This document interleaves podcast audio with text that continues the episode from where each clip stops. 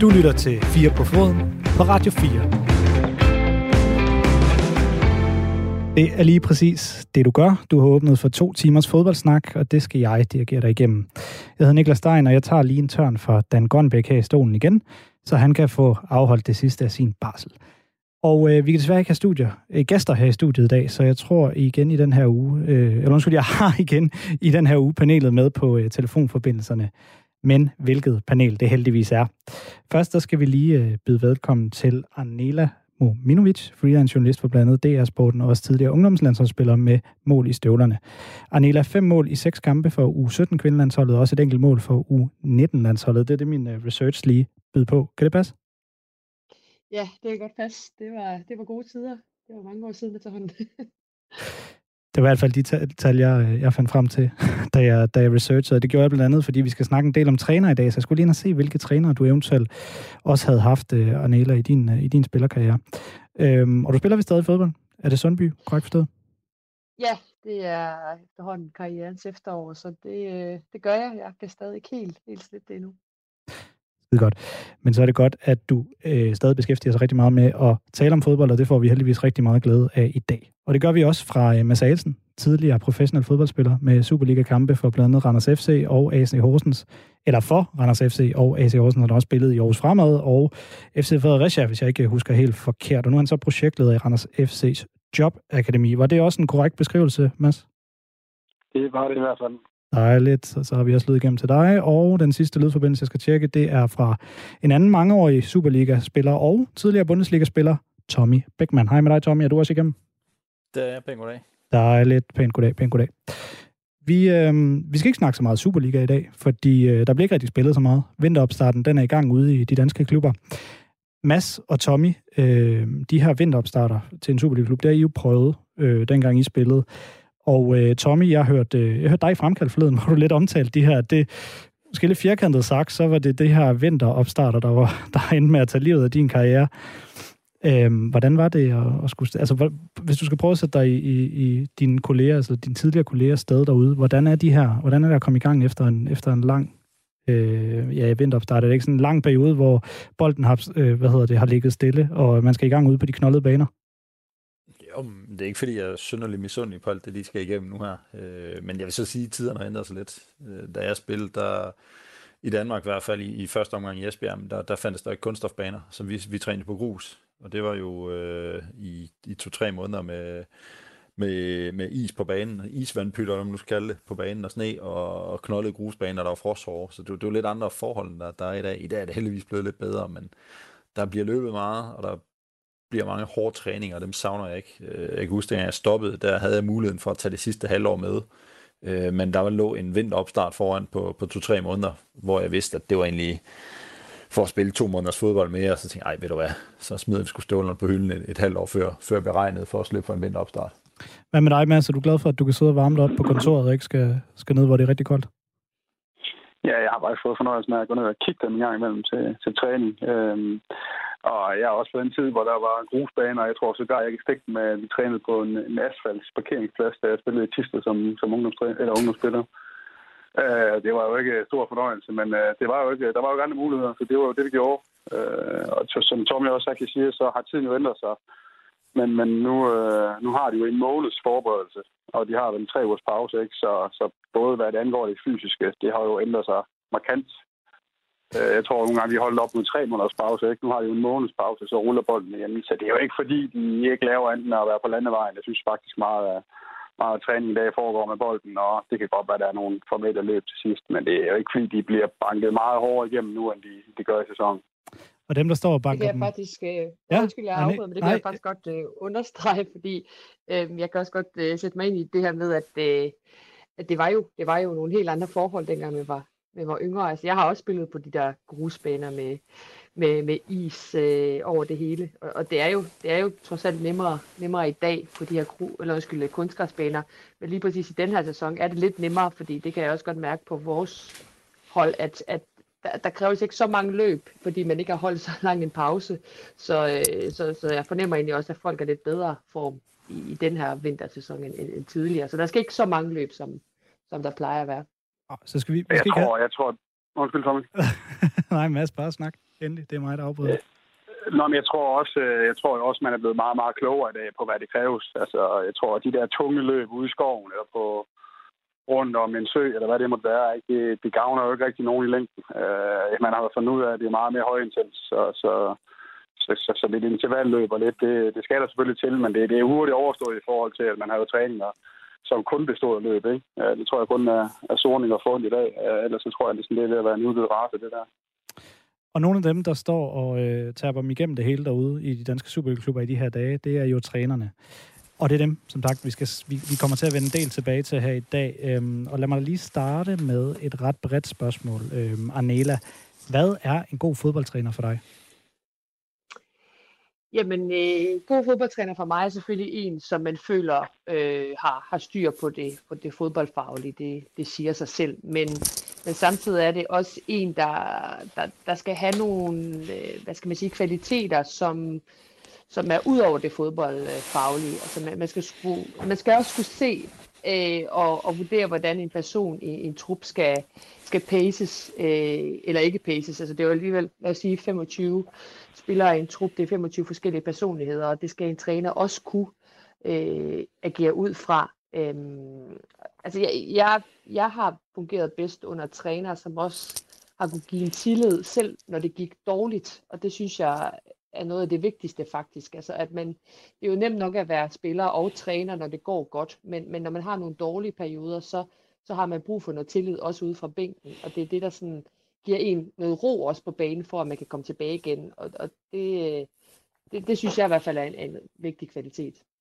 Som sagt, så har jeg jo selvfølgelig, øh, som det sig hør og bør, øh, researchet alle tre, øh, så jeg ved, hvem det er, jeg har med i dag. Og øh, når jeg går ned over de trænere, I øh, selv har haft, så er der jo et navn, der specielt øh, ja, vækker lidt øh, genkendelse hos mig. Jeg ved ikke lige, hvordan jeg skal formulere det, fordi den, jeg snak, ham, jeg snakker om, det er jo Ricardo Moniz, øh, Mads, som du har haft. Og det er jo sådan en, der blev sagt og skrevet rigtig meget om ham i, i hans trods alt lidt korte tid i Randers, da han var der. Han blev nærmest sådan lidt en karakter, en man gjorde lidt grin med. Men jeg vil, egentlig, altså jeg vil gerne tage ham lidt seriøst. Hvad, hvad, hvad gjorde ham til en god træner, hvis han der overhovedet var det, øh, Mads?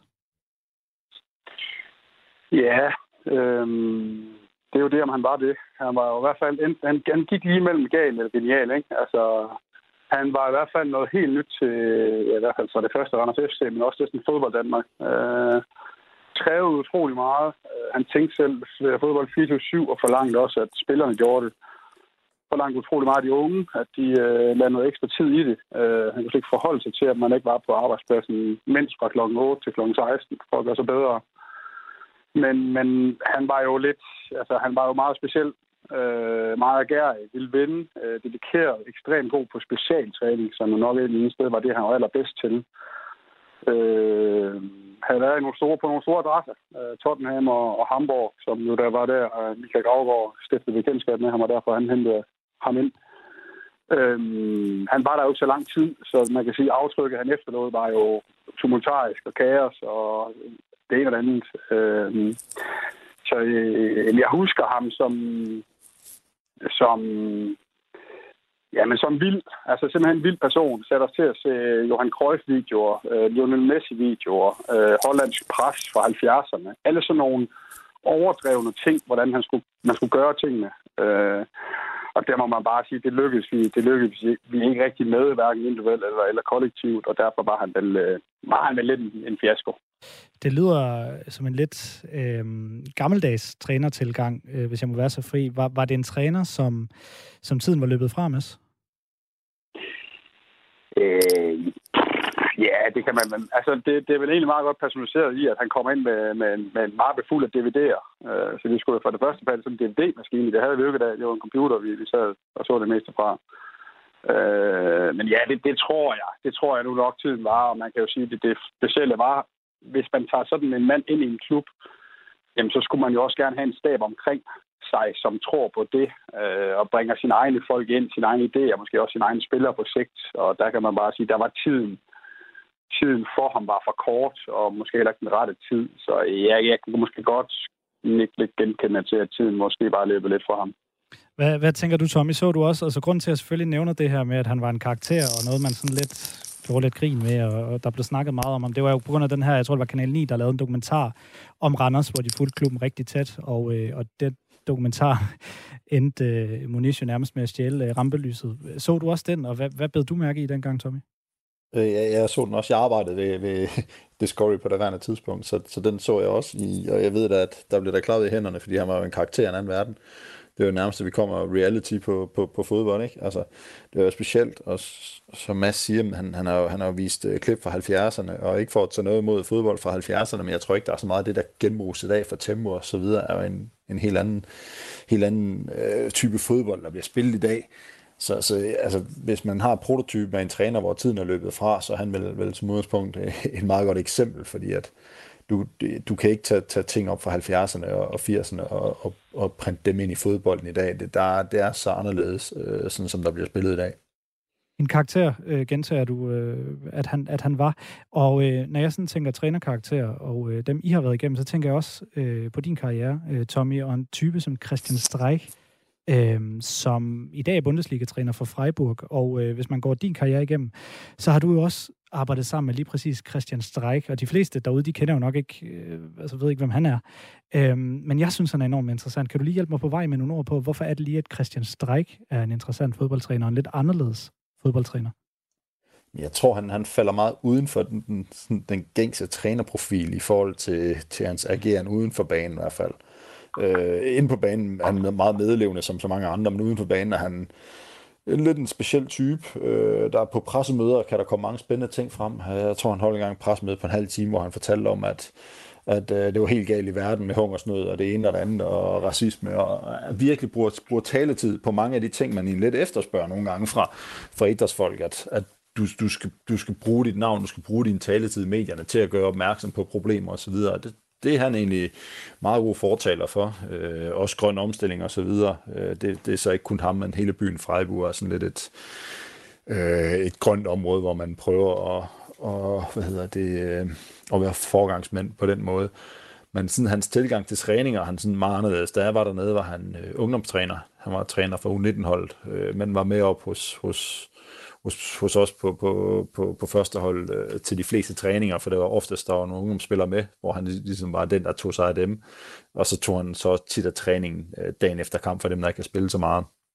Øh, og han var meget højt råbende, specielt over for de unge spillere. Øh, jeg husker en gang, hvor at vi havde en indlægsøvelse, hvor der er en af de her 17-18-årige drenge, der, der skal slå et indlæg ind til, til mig som angriber, og den ligger så ikke lige, hvor den skal, øh, ryger bag mål, eller hvert fald et skidt indlæg. Og den her stakkels dreng, han bliver kørt midt over af, ham, af Christian Streik, der virkelig bare sviner ham til og sætter, siger, at så kan han ikke være med på det her niveau, og så videre, hvor jeg er sådan lidt forundret med min danske mentalitet, at den ligger relativt langt fra. Øh, efter træningen går hen og spørger, hvad, hvad, hvad, hvad meningen var med det, hvorfor at, øh, den, den stakkels dreng, han nu skulle køres midt over. Og hans rationale er, at hvis han ikke kan, kan klare presset under træning, hvordan skal han så nogensinde gøre det i kamp? Øh, så, så, så han var en meget, meget øh, hård træner på mange punkter, men det var trods alt sådan, at de her unge drenge, øh, de her spillere, der nu kom op, de elskede ham som træner. Øh, jeg tror, ham, der slog indlægget, det var Caliguri, der spiller i, i Augsburg, det har været forbi Schalke og Wolfsburg.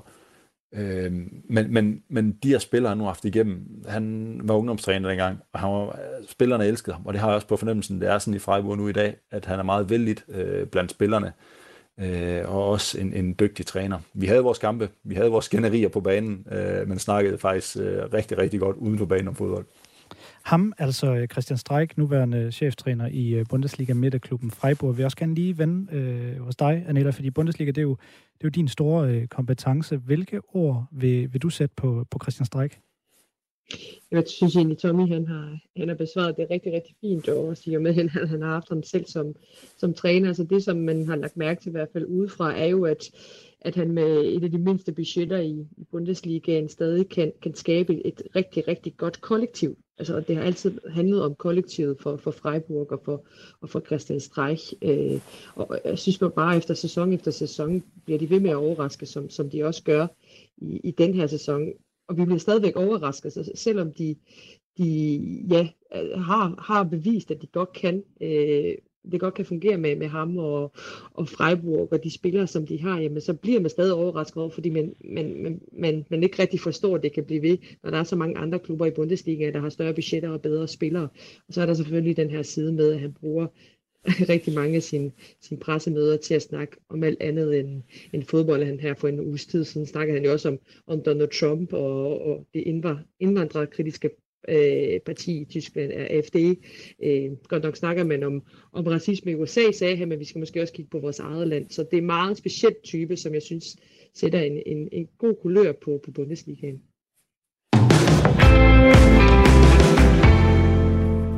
Var en lidt høj skiller, der kom derind, men den uh, satte jeg lige ind, fordi uh, vi lige skal hoppe videre til det næste emne, og vi, uh, vi bliver alligevel lidt i Bundesliga-sporet, fordi uh, vi skal zoome endnu mere ind på det her træneraspekt, og det gør vi på grund af, af Bo Svensson, øh, der er ny cheftræner i Bundesliga-klubben Mainz. Øhm, og han er egentlig også lidt grund til, at jeg synes, det skal handle om, øh, om trænere i dag. I sidste uges program, der fik vi også nævnt hans ansættelse, og jeg fik i det her program for vanen at sige, at, øh, at det var gået en smule under radaren, at vi har fået en dansker som Bundesliga-træner. Øhm, den præmis, den blev ikke rigtig købt i, øh, i programmet, og de gæster, der var med der, øh, kunne jeg godt mærke. Så jeg prøvede at gøre den lidt skarpere, og, øh, og det jeg i virkeligheden nok mener, det er, at Bo Svenssons karriere er, øh, er gået under radaren. Det skal lige siges, at øh, jeg vil enormt gerne have, Bo, øh, have haft øh, Bo Svensson med i programmet her i dag, men øh, det har desværre ikke, øh, ikke mulighed for, at der er om en når man er blevet ny cheftræner i en Bundesliga-klub, og måske også lidt mere, end vi er vant til her, herhjemme, når der bliver udpeget en ny træner. Og han skal selvfølgelig have lov til at have noget arbejdsro. Så bliver stedet også, øh, der sætter nogle ord på, øh, på det her. Og Neda, jeg starter lige med dig igen. Øh, lad mig lige først høre dig. Hvor bemærkelsesværdigt er det, at vi har en dansker som Bundesliga-træner nu? Jamen, det, øh, det er rimelig bemærkelsesværdigt. Altså, det er, det er kæmpestort. Det, det er jo ikke, vi er jo ikke vant til, at, at vi har store, eller vi har danske træner i de, i de store ligaer i, i Europa. Det er jo den, den femte danske træner i Bundesligaen nogensinde. Øh, den, der måske har haft størst, størst succes, det har jo været Morten Olsen, dengang han overtog øh, i, i FC Køln og redde dem fra, fra nedrykning. Og øh, så blev han der lige en, en halvanden sæson, og så blev han så fyret, fordi han ikke kunne få, få Køln op i, i, i topklassen af Bundesligaen. Så det her med, når vi ikke er vant til at have de her danske træner i de store ligaer, jamen så, øh, så er det da en kæmpe ting at få Bo Svensson til, til Mainz og Bundesligaen. Han, øh, han spillede jo øh, en del år i Mainz i løbet af hans trænerkarriere.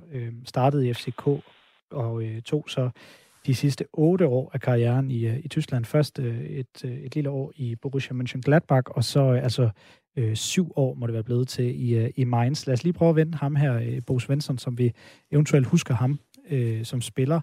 Øh, Mads, han var jo central forsvarsspiller, ligesom, ligesom dig. Øh, hvad tænker du, man kan tage med over i en trænergæring fra en karriere som forsvarsspiller? Er det noget, du selv har gjort dig nogle tanker omkring? Øh, ja, altså, man kan sige, man får i hvert fald øh, sådan noget som defensiv struktur og sådan en god organisation, det får man jo næsten foræret, fordi det er man vant til at have skal styr på som, som forsvarsspiller. Øhm, det er klart, at man skal også have øje for, for det offensive, men jeg tænker i hvert fald, øh, det er en ret god, god base at starte med som træner og få styr på det. Det er typisk det, man gør. Øhm, og så man har et koncept at spille ud for. Øh, det var i hvert fald det, jeg ville gøre, hvis jeg skulle overveje at gå den vej. Men øhm, han får store roser. Altså, Julemand kunne jo så se det i ham, og, og hans nuværende sportsdirektør Martin Schmidt øh, havde ham jo som, som træner på et tidspunkt, som også så det i ham. Så øh, jeg tænker da, at øh, det er fuldt fortjent, og der venter ham en forhåbentlig en stor karriere. Tommy, du har faktisk spillet mod Bo, øh, dengang du var i Freiburg, og han var i, øh, i Mainz, pudsigt nok.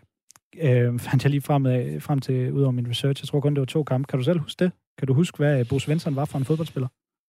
Ikke øh, specifikt fra de enkelte kampe, men jeg kan da sagtens huske ham som fodboldspiller. Øh, jeg mener også, at spille mod ham, da han var i Gladbach, der var i Bochum dengang. Øh, altså, jeg husker ham som værende en, en, en klog forsvarsspiller. Han var ikke den, den hurtigste øh, forsvarsspiller, men han var klog og utrolig dygtig taktisk. Øhm, og så husker jeg ham også som, som værende en leder inde på banen, hvilket nok også har gjort, at øh, hans tid i Mainz, jeg mener også, at han ender som anfører øh, nogle af de sidste år. Og det kan også godt have noget at gøre med, at han så derefter bliver træner. Det ser man også tit, synes jeg, at dem, der ligesom har en vis lederrolle på banen, øh, og som måske, altså noget af det, du skal kunne for, altså, skal kunne for at blive en træner bagefter, det er, du, du skal kunne noget taktisk, og det synes jeg også, at øh, Bruce Bo Svensson kunne. Øh, han er jo dygtig. Utrolig god til at læse spil, utrolig, utrolig god til at dirigere øh, spillerne omkring ham. Øh, det, det er nok også noget af det, der hjælper ham nu i, i, i den trænergærning, han har, at han netop har det. Og så i Tyskland kigger man også meget på, på sprog, at øh, han taler tysk, det er jo en kæmpe fordel øh, for, for Bo Svensson, når han starter i en, i en klub i Tyskland, han taler sproget. Øh, fordi der bliver talt tysk i, i de tyske klubber, der er ikke, øh, det er ikke noget med engelsk og så videre. Der bliver talt tysk, og så må folk lære at, at, at tale tysk, så nytter det ikke noget, der kommer en træner, der ikke kan, kan sproget. Og når han kan det til perfektion, er det bestemt en, en fordel. Inden vi lige tegner portrættet af, af træneren, Bo Svensson, så, øh, Arnela, kunne jeg godt lige tænke mig at, øh, at vide, hvad det er for en klub, han kommer til. Øh, Mainz en Bundesliga-klub. Det, det er sådan lidt det, jeg ved. Hvad, hvad er det for en klub, øh, Bo Svensson nu er i spidsen for?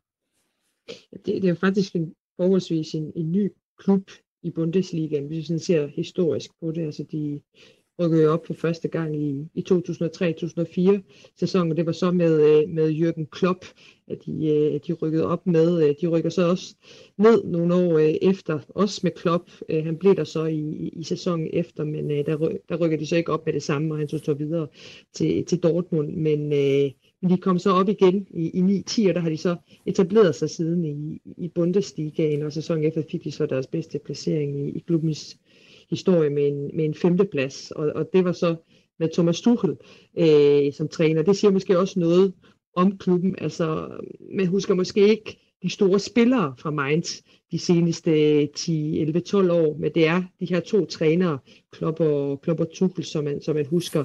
Det, øh, det er en klub, som har givet nogle unge trænere chancen for at brillere i, i Bundesliga. Det må man jo så sige, at, at Klopp og Tuchel er, er lykkedes godt med. De, øh, de klarede sig fint efter fyring af, af Kasper Juhlmann i, i 2015, hvor de øh, igen fik lov til at spille i Europa, men siden da, der, øh, altså, der har de været en del af, af bundkampen, og, og, og så har de, altså for mig har det i hvert fald også været en klub, som har mistet den røde tråd og, og den strategi, der har været under Klopp og under Tuchel, da, da, da han var der. Man håbede jo lidt, at, at Juhlmann kunne, kunne overtage efter Tuchel og ligesom som viderebringe det, men det, det skete så ikke. Så, øh, så det er en klub, der, der har mistet meget de seneste sæsoner, og de, og de leder også efter den her Mainz identitet. Så det er jo det, man så håber, at Bruce Svensson kan, kan, kan få tilbage til klubben. Og han kom jo egentlig fra en ret interessant øh, position, fordi han var, han var træner i den her østriske klub, FC Liefering. Øhm, det lyder måske ikke meget for det utrænede øje, men, men hvis man kigger lidt efter, så er det jo en del af, af det her store Red Bull-maskineri, og uanset hvor fodboldromantisk man kan være og tænke tanker om, om hvordan Red Bull øh, tager sit indtog rent kommercielt i fodbolden, så, så synes jeg, at jeg i hvert fald gerne vil våge den posten at sige, at det er et meget veldrevet fodboldimperie, øh, de har lavet. Øh, Arnela, hvad, hvad, er det, hvad er det for en position, han kommer fra, hvor han i, i virkeligheden ikke lidt skulle i stilling til at have et stort job inden for den der Red Bull-koncern?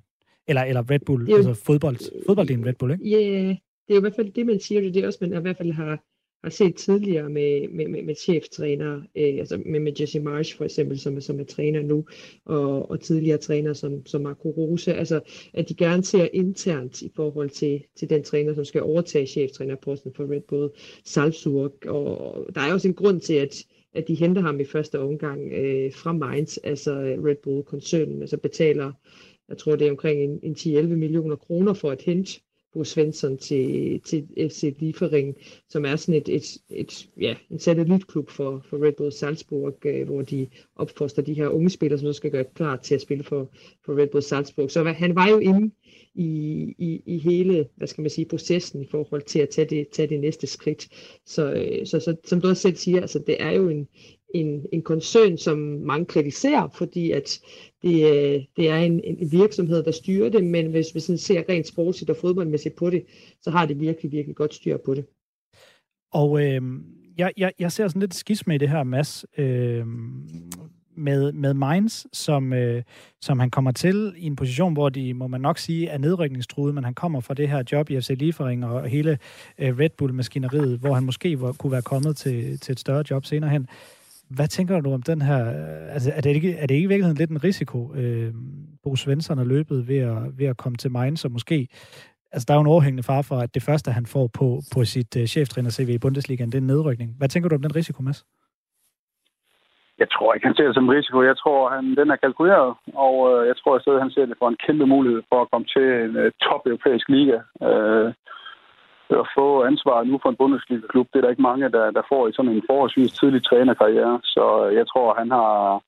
Selvfølgelig har han haft øh, gode samtaler med, med ham. Jeg nævnte før Martin Schmidt, som jo er sportsdirektør nu, og har været ønsket, kan han kunne mærke.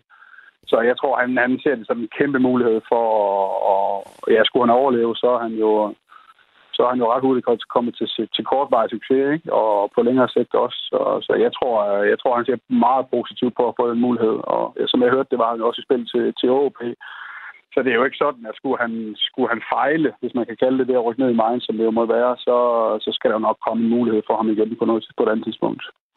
Hvordan er snakken egentlig i Tyskland i forhold til det her, øh, Arnela? Øh, forestiller man sig, at det er en, der kan tage med Mainz ned, eller, eller hvor, hvor, hvor øh, let har de egentlig ved at trykke på den her meget berygtede fyringsknap? Kunne man forestille sig, hvis de rykker ned, at Bo Svensson tager med ned, lidt ligesom du sagde, at Jürgen Klopp gjorde, og, øh, og tager dem op igen eventuelt?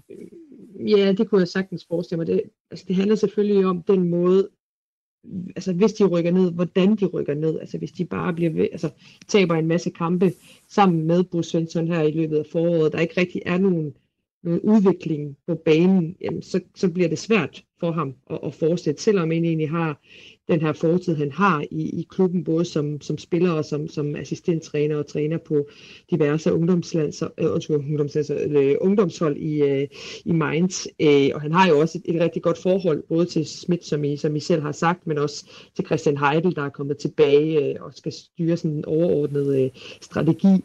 Øh, men jeg tror stadigvæk, at han har en, en, en, en lang snor, i hvert fald en længere snor end Kasper Juhlmann, og det har han jo, fordi han har den fortid, han har i Mainz, og fordi han har de her personlige forhold til, til ledelsen. Og, og så tror jeg også, at han har solgt sig selv på, at han gerne vil revolutionere Mainz. Altså han vil gerne tilbage til den her fælles strategi, altså den her strategi, som har fungeret så godt under Klopp og under, under Tuchel, og, øh, og, og det kan man måske ikke klare på et halvt år. Altså, det, det, der skal måske et, et år i, i anden Bundesliga, for at man kan komme op igen og, og, og være en, en, en rigtig, rigtig god øh, klub i Bundesliga, hvor man ikke skal kæmpe om, om nedrykning fra sæson til sæson. Og det, som, som jeg også har læst mig frem til, det er jo også, at han har sat, altså, sat en masse krav til Mainz i forhold til, hvad det er for nogle ting, man skal, man skal ændre i klubben, for at den skal udvikle sig.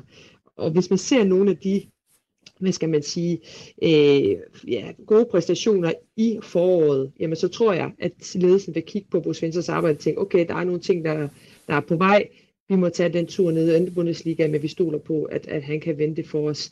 Øh, så ja, så så meget er vel egentlig, at jeg tænker i hvert fald, at, at vi skal se noget af det, som han også øh, leverede sammen med Mainz i weekend, hvor de tager point øh, ude mod, mod Dortmund, men, øh, men så han skal bygge på i forhold til den spillestil, som han, øh, han gerne vil spille.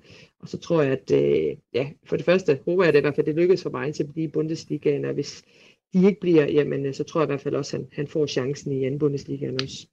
Ja, han har nemlig allerede fået øh, to kampe i, øh, i spidsen for Mainz indtil videre, øhm, og det når vi ikke lige at komme ned i, og det vil nok heller ikke være helt fair at drage de store konklusioner på det, men altså han tabte øh, debuten med 0-2 til Frankfurt, og så som du siger, Nela, fik han en, øh, en, en flot 1-1 øh, budbane mod mægtige Borussia Dortmund øh, her i, øh, i, øh, i weekenden. Vi skal bevæge os lidt videre til at snakke øh, lidt mere generelt om danske trænere i udlandet.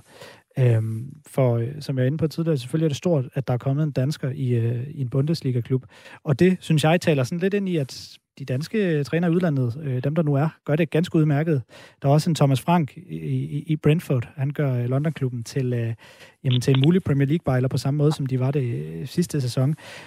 Og når det her sker, så synes jeg tit, man snakker om, øh, at det kan bane vejen for at vi får flere danskere i de her store træ- trænerjobs i, øh, i udlandet.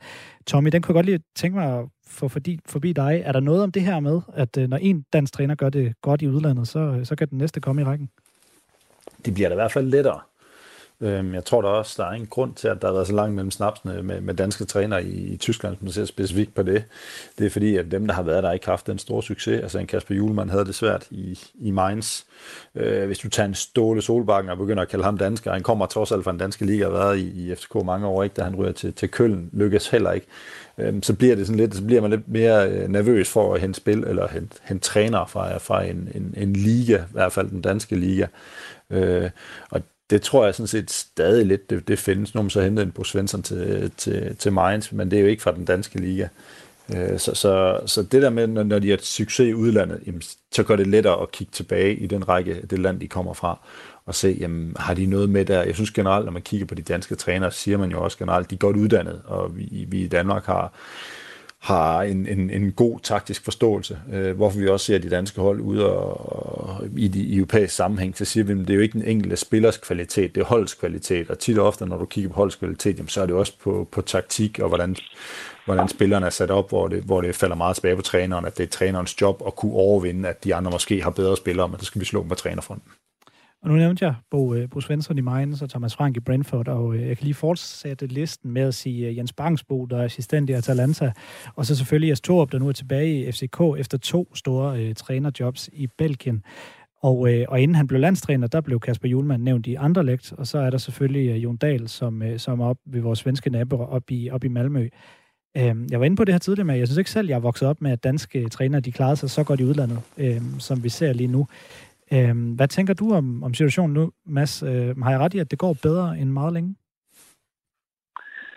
Nu er jeg jo ikke frygtelig gammel endnu, men det er i hvert fald noget, noget der nærmer sig, synes jeg, i forhold til det, jeg kan huske. Øhm, jeg synes specielt, at Thomas Frank imponerer. Det var vel egentlig ikke noget, man var så, så opmærksom på, mens han var i Brøndby. Øhm, der blev det jo meget sådan, øh, filosofisk, og vi tænkte jo alle sammen, hvad, hvad er det der? Det gjorde jeg i hvert fald, hvad er det, hvad er det for noget, han står og snakker om? Men øh, de har jo ramt plet derovre. Øh, han gør det jo overordentligt godt, også med sine, sine assistenter, og det er jo det, jeg synes, der er spændende. Så det også med Torp, da han hiver, hiver Mølby med til, til Belgien, ikke? At, at man begynder at få, få flere og flere trænere ud, og det handler jo også, ligesom det gør med spillere og agenter, med netværk. Ikke? Altså få, jo først man kommer ud og får noget på CV'et, forholdsvis lettere tilgang har man til flere lande og til flere klubber. Øh, og om det så handler om, at, at, at, at vi i Danmark måske er dårlige til at turde tage springet, eller bare ikke får chancen, det ved jeg ikke. Men øh, det sætter ud til, at, øh, at det rykker lidt på sig. Og jeg tror også måske noget af det, der kan være med til at flytte det, det er måske, det er måske landsholdets succes, ikke? At de har fået øjnene op for, hvordan man også spiller, spiller fodbold i Danmark. Det er ikke bare er, er klassisk 4-4-2, men at man også indstiller sig lidt på det her total fodbold rundt omkring i Europa. Men jeg tror også, det har noget at gøre med, at når man ser på verden i dag, så er den jo også anderledes, end det var for 10 år siden. I dag er det jo blevet generelt noget lettere at komme til udlandet, også som fodboldspiller. Måske sådan helt generelt har vi jo også øh, flere spillere i udlandet. Det kan så godt være, at det ikke er alle sammen, der er i topligerne, men vi har trods alt flere spillere i udlandet, end vi havde tidligere. Tidligere skulle man jo som spiller præstere på, på højt niveau i Superligaen for at komme til udlandet. I dag er det lidt lettere at komme afsted, så er det godt være, at du kommer til, til den anden, tredje bedste række i, i, i et eller andet land, men, men vejen til udlandet er blevet lettere i og med, at der er flere øjne, der kigger generelt. Øh, der er kommet mere data, der er kommet mere tv, der er kommet meget mere på alle ligaer, så det er svært at gå under radaren. Så jeg, jeg, jeg tror også, det har noget at gøre med, at tiden har ændret sig, og at, at verden er blevet mindre i den her scene, at det, det er lettere at plukke folk for rundt omkring, for der er flere øjne, der kigger. Hvad, hvad I forlængelse det vil jeg så, undskyld, jeg afbryder. Men, Jamen, det var altså, dig, jeg ville springe videre til, Anela, så endelig. Nå, okay. Nej, jeg tænker bare på, at, at det, der også måske også er sket for, for nogle af de trænere, som, som du nævner, er jo også, at de har spillet i udlandet, men så også er blevet i det land, hvor de har spillet, og valgt at blive ja, assistenttræner, eller U19, eller U23-træner, eller taget til en anden mindre klub i det land, som, som de har spillet. Altså, på Svensson er, er et fint eksempel. Jeg tænker også en, en Jon Dahl Thomasson, der, der, der, der også blev i, i Holland og, og, og var træner i, i nogle steder, i nogle klubber der. Ja, han tager til Malmø nu og, og gør det godt. Jamen, lurer mig ikke, om, om der også er nogle hollandske klubber, der holder øje med ham, fordi han har den fortid, han har i Holland, og fordi han har taget nogle, ja, nogle, nogle, nogle har været i nogle klubber, hvor han har, hvor han har vist sig selv som træner. Nu er han så en, en, en svensk klub og, og, og prøver at, at gøre sig til, og så kan det jo være, at han, han ender i Holland, fordi han ligesom har haft den fortid både som spiller, men, men også som træner. Det, det tror jeg er helt rigtigt. Jeg synes også, Christian Poulsen nede i Ajax er også et andet godt eksempel. Altså hvis man har, har en idé om at gøre sig på en helt stor scene som træner, så, øh, så kan der sagtens være fornuftigt at blive ude, når man er færdig med sin karriere, i stedet for lidt at skynde sig hjem til, til en assistenttrænerrolle i, i en dansk klub. Det, det, det, det synes jeg faktisk er en glimrende præmis. Nu skal vi så lige høre et, øh, ja, helt fjerde indspark øh, bliver det jo så. For jeg har vendt nogle af de her spørgsmål, vi lige har været igennem med øh, Kenneth Heiner Møller. Han er relativt nytiltrådt chef for DBU's træneruddannelse. Øh, så hvem bedre end ham til lige at svare på nogle spørgsmål omkring den danske trænerbestand lige nu og øh, Ja, er fremadrettet. Den 1. september, der tog øh, Kent Heiner Møller over efter øh, Peter Rudbæk, øh, en meget anerkendt herre, som nåede at sidde i den stilling i 15 år. Heiner Møller, han kommer fra en position som cheftræner for Kanadas kvindelandshold, og dem nåede han at vinde bronze med til OL og sølv ved de nordamerikanske øh, mesterskaber. Han skal altså stå øh, for at uddanne fremtidens dygtige fodboldtræner. Og nu skal vi så lige høre min snak med øh, Kenneth Heiner Møller, som jeg interviewede tidligere i dag, hvor jeg spurgte ham, hvordan de første måneder i det her job som chef for træneruddannelsen, de har været. Jamen, det har selvfølgelig været præget af corona, kan man sige, på, på mange områder. Vi har været lidt forskående for det i træneruddannelsen, øh, de her aflysninger. Øh, vi har faktisk hele tiden øh, godt måtte fortsætte aktiviteten ind til, øh, ind til december, hvor vi blev nødt til at lukke ned. Men ellers så har vi øh, sidde i øh, lokalet med ansigtet den samme vej, og øh, hvis det var over øh, flere timer, sørge for, at frokosten kom ind der, hvor man sad, og man blev placeret der og havde mundbind på, når man rejste op osv. Men de yderligere restriktioner der i december gjorde, at vi blev nødt til at lukke ned. Men udover det, så har det været, øh, selvfølgelig været spændende øh, øh, og, og lærerigt allerede. Det øh, er en, en, en fed position og en spændende organisation, jeg er kommet tilbage til, øh, som øh, på alle mulige måder er på vej i en rigtig spændende retning. Og lad os lige prøve at få, få din titel øh, eller din funktion på plads. Du er som sagt ny chef for træneruddannelsen. Du tager over efter Peter Rudbæk, der har siddet på positionen i, i mange år. Hvad laver en, øh, en chef for træneruddannelsen i DBU? Jamen, øh, jeg leder vel efter forbedringer, tænker jeg. Øh, udstikker kurs, men tager rigtig mange gode råd til mig. Øh, det er jo, at, at hvis, hvis jeg bare skulle formidle, hvad jeg vidste, så var træneruddannelsen hurtigt overstået, øh, og så, så kunne alle rende med det, jeg vidste, og, og, og, det, og det går hurtigt, uanset hvem der er på posten. Så det er jo at finde ud af, hvad, hvad ved folk rundt om os, og ikke kun øh, de andre trænere, også de andre trænere, men også øh, forskere. Hvad retning skal træneruddannelsen øh, gå i? Hvad er det for nogle øh, øh, fyrtårn, som vi prøver at navigere efter? Så selvfølgelig korrigere kursen på, på vej derhen. Øh, men altså, Danmark er jo et, et videnssamfund, og det forsøger vi at gøre endnu mere ved, ved at få, få bygget en, en bro mellem dem, som har viden, Øh, og så dem, der skal bruge dem. Og, og dem, der skal bruge dem i den her sammenhæng, det er trænerne. Så jeg har øh, taget øh, de store ører med mig, og, og lytter rigtig meget til, hvad der bliver sagt, men har selvfølgelig også en, en klar øh, dagsorden om, hvad jeg godt kunne tænke mig med, med træneruddannelsen. Hvad står der så på den dagsorden? Jamen, der står i, i, især øh, det her med at få bygget noget brug øh, ind til universiteterne, den, der har viden. Øh, vi har nogle rigtig dygtige øh, forskere, og vi har rigtig mange universiteter, som gør et fantastisk stykke arbejde. Øh, og nogle gange så øh, både fysisk, øh, men også i forhold til interessefelter, så det her med at få det givet til dem, der skal bruge den, er nogle gange lidt, øh, lidt tungt. Og det er ikke, fordi det er nogen skyld, øh, hverken universiteternes eller, eller DBU's skyld. Øh, der er bare ikke rigtig nogen, som, øh, som varetager den her opgave.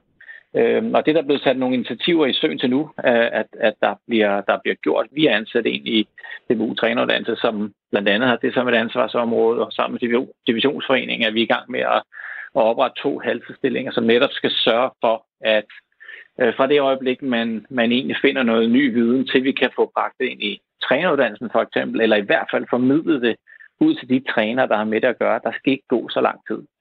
Øhm, så det er højt på, på, på min liste, øh, og så er det at gøre, gøre træneruddannelsen øh, generelt øh, tilgængelig. Og her tænker jeg selvfølgelig på, på digitalisering, og at man kan, man kan tage rigtig meget, øh, når man øh, har mulighed, øh, tid og lyst, øh, frem for at skulle vente på, at, øh, at vi laver kurser. Det, der, der er noget, man skal, når, når man er sammen. Alt kan ikke lade sig gøre, det tror jeg alle har fundet ud af efterhånden over, over hverken Teams eller Zoom.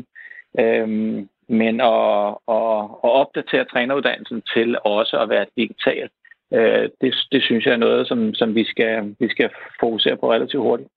Nogle af de første, du øh, her i det nye år kommer til at stifte bekendtskab med, eller måske ikke nogle af de første, jeg tror, I starter den gruppe til sommer, men hvis, hvis, man, øh, hvis man googler øh, træneruddannelsen og, og nogle af de nye hold, så finder man ret hurtigt ud af, at der er blevet skrevet nogle artikler om, at øh, Jakob Poulsen, god ven af, af vores program her, og så øh, Niklas Bentner, Daniel Jakob og Lars Jakobsen er nogle af dem, der skal starte. Det er alligevel nogle voldsomme navne, og det er også, øh, altså de skal starte øh, med at uddanne sig til, til fodboldtrænere, og det er jo så under din ledelse. Er det også med en vis ærfrygt, at, øh, at man sidder sig i tæde som det her? Øh, ja, det er det, men ikke på grund af dem. Øh, det er mere på grund af ansvaret, vil jeg sige, for, for hele træneruddannelsen.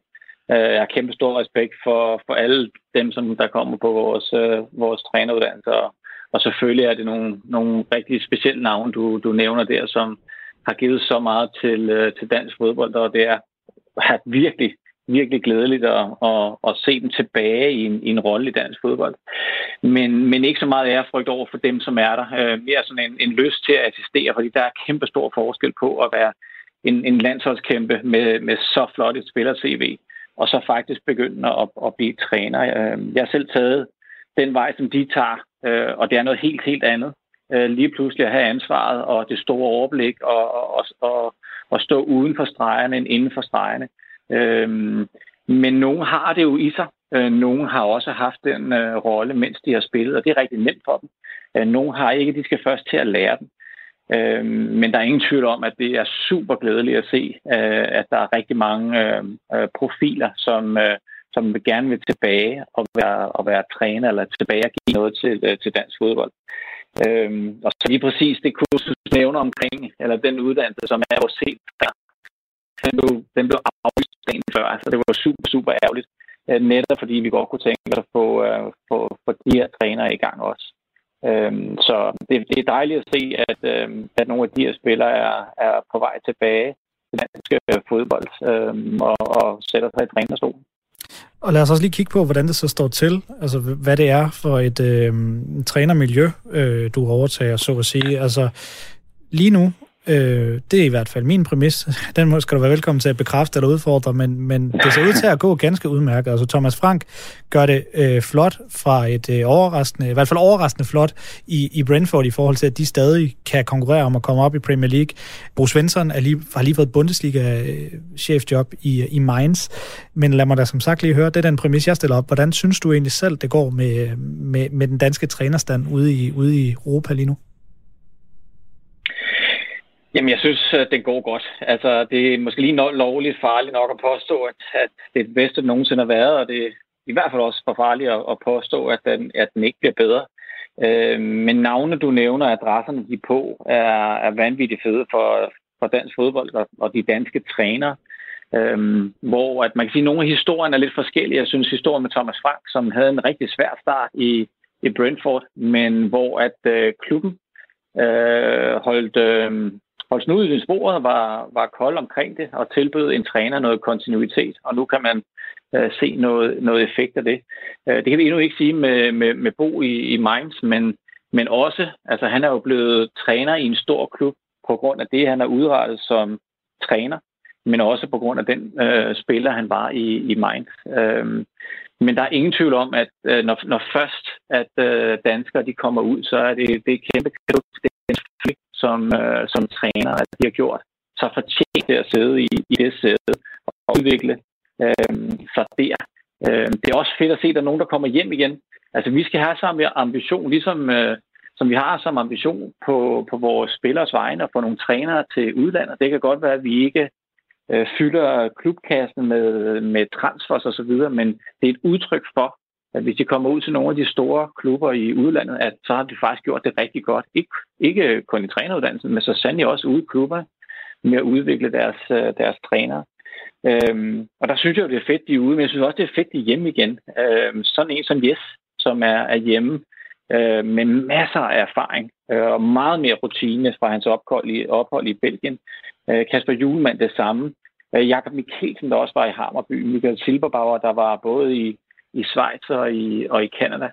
Øhm, så det skal være en ambition. Øh, det er i hvert fald øh, en af mine at få, få danske træner til udlandet, fordi vi er gode nok. Øh, og så er det også rart, at de kommer hjem igen med en masse erfaring. Øhm, fordi der er, der er rigtig meget, øh, som, som de, de danske træner de kan give til, til dem, der både er ude og hjemme. Og jeg vil sige, at jeg noterer mig også glædeligt, at, top 6 klubber i, i Danmark lige pt. er trænet af, af danske trænere. Øhm, så jeg er, ikke, jeg er ikke uenig med dig, øh, men jeg vil også godt udfordre vores, øh, vores ambition med at sige, at, øh, at den ikke bliver bedre. Det håber jeg altså absolut, at den gør. Jeg håber, vi får rigtig mange flere danske trænere at se i udlandet. Mm, ja, og hvordan, altså, hvor meget bedre kan det, kan det eventuelt blive? Altså, hvad, hvad er dine forventninger til den danske trænerstand fremadrettet? Jamen altså, jeg synes jo øh, absolut, at, at øhm, det store arbejde, som, som jeg har overtaget, var ved at sige, fra, fra Peter Rudbæk, det store arbejde, som alle de her trænerinstruktører har gjort over en, en kæmpe stor overrække, det er et fedt fundament. Stort, kraftigt, solidt bygget fundament, hvor man ikke skal bygge ved siden af, og man skal heller ikke slå det ned, men man skal bygge ovenpå. Øhm, men der er heller ingen tvivl om, at i det øjeblik, man læner sig tilbage eller krydser armene og siger, det går, det går ufatteligt godt, jamen så er der lande rundt omkring os, øh, som også godt vil konkurrere, som også godt vil bokse en lille smule over deres vægtklasse. Det gør vi i øjeblikket på alle mulige parametre, både på banen og på trænerpositionen. Øh, så vi skal blive ved med at sætte os øh, nye mål og nye standarder og blive endnu bedre til rigtig mange ting. Øh, vi har sat nogle, nogle ting i værk omkring at lave nogle netværk for, for vores trænere, netop så de kan have en målrettet videreudvikling af sig selv i forhold til, hvad er det lige præcis, man går og roder med som en U19-træner. Øh, sørge for, at nogle af de emner, som øh, de kommer til at berøre omkring refreshment, også kommer til at være noget, som de, som de kan bruge. Øh, eller i hvert fald inspirere dem til at blive, øh, at, at blive endnu bedre. Øh, så vi bygger ovenpå, øh, hele tiden ovenpå, men øh, det er et solidt fundament, som vi bygger på. Når danske trænere gør det godt i udlandet, som, som lige nu, så synes jeg tit, man snakker om, at det kan bane vejen for nye øh, danske trænere, der også vil gøre det godt i udlandet.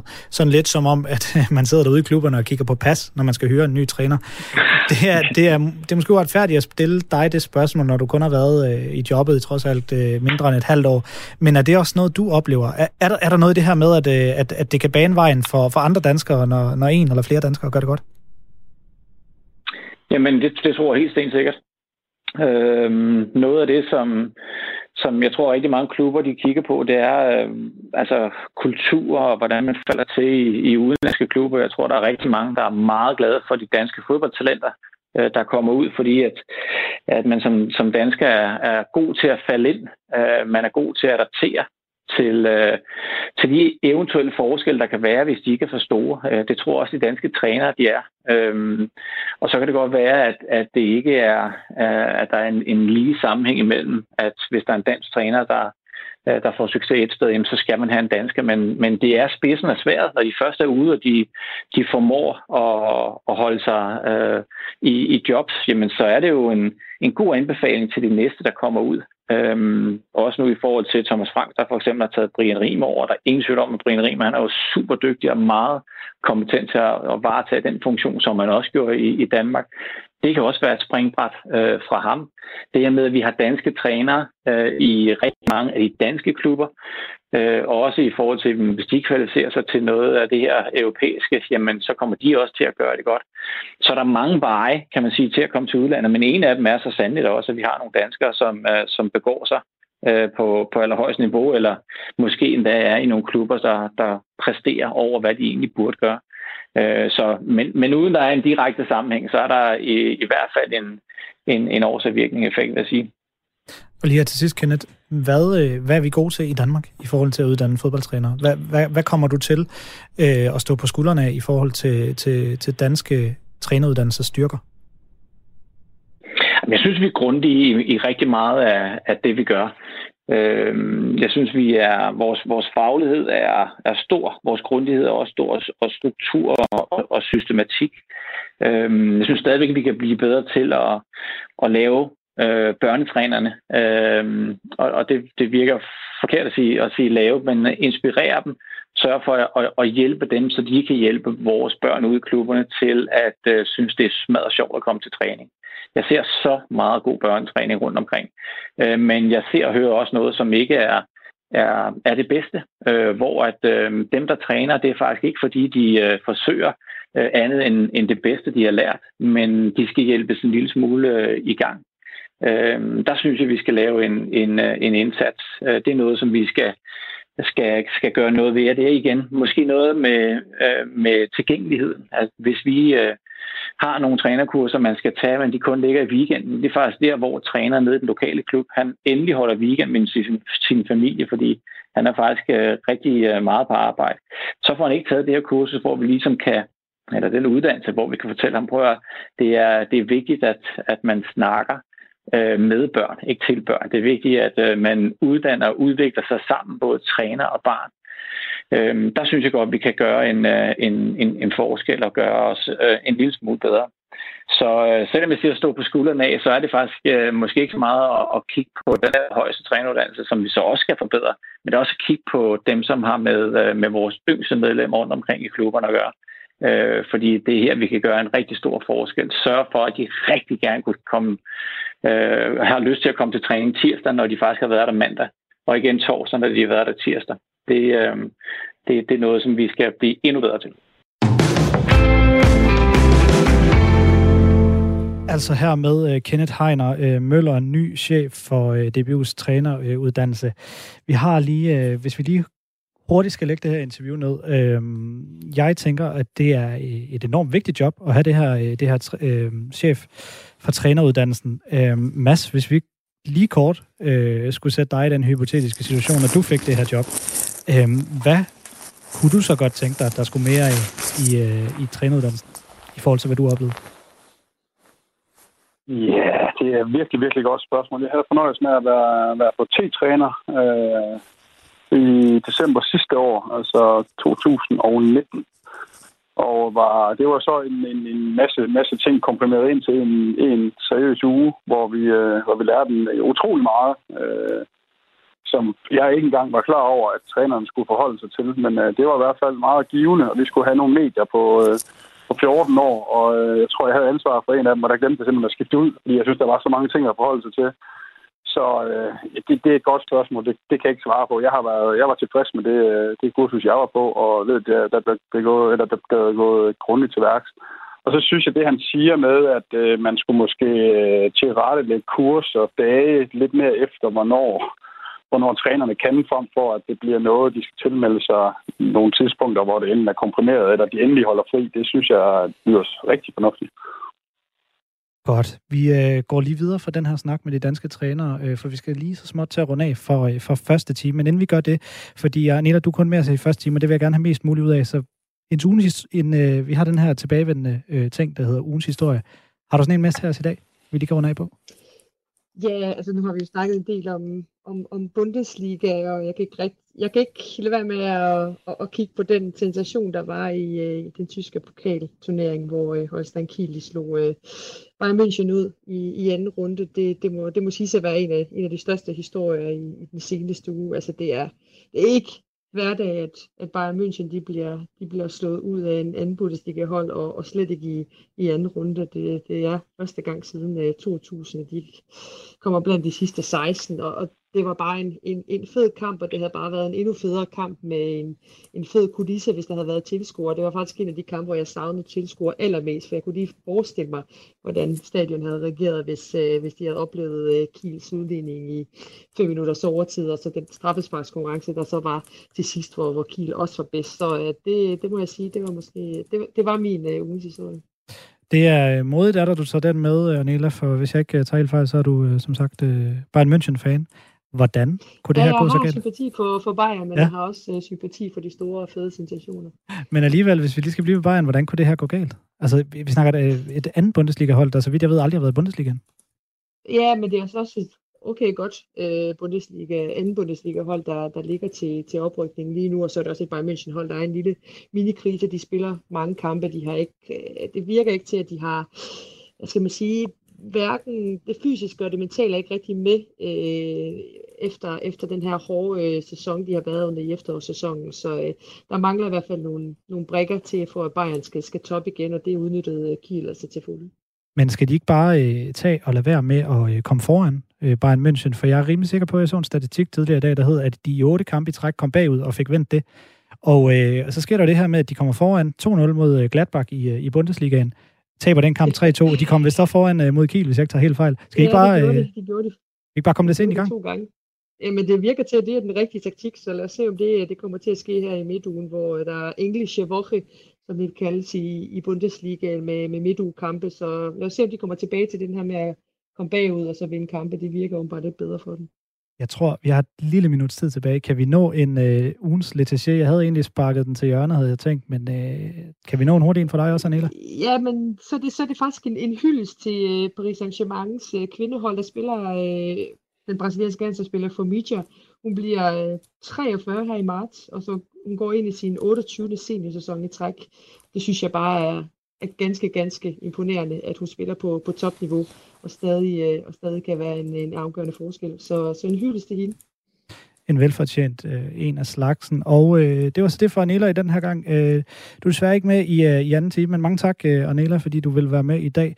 Øh, heldigvis har jeg stadig Mads Asen og øh, Tommy Beckmann med i, øh, i næste time. Og øh, der skal det handle endnu mere om fodboldtræner, noget som vi allerede har snakket en del om. Og vi har heldigvis en times fodboldsnak øh, tilbage øh, for i dag. Men øh, ikke mere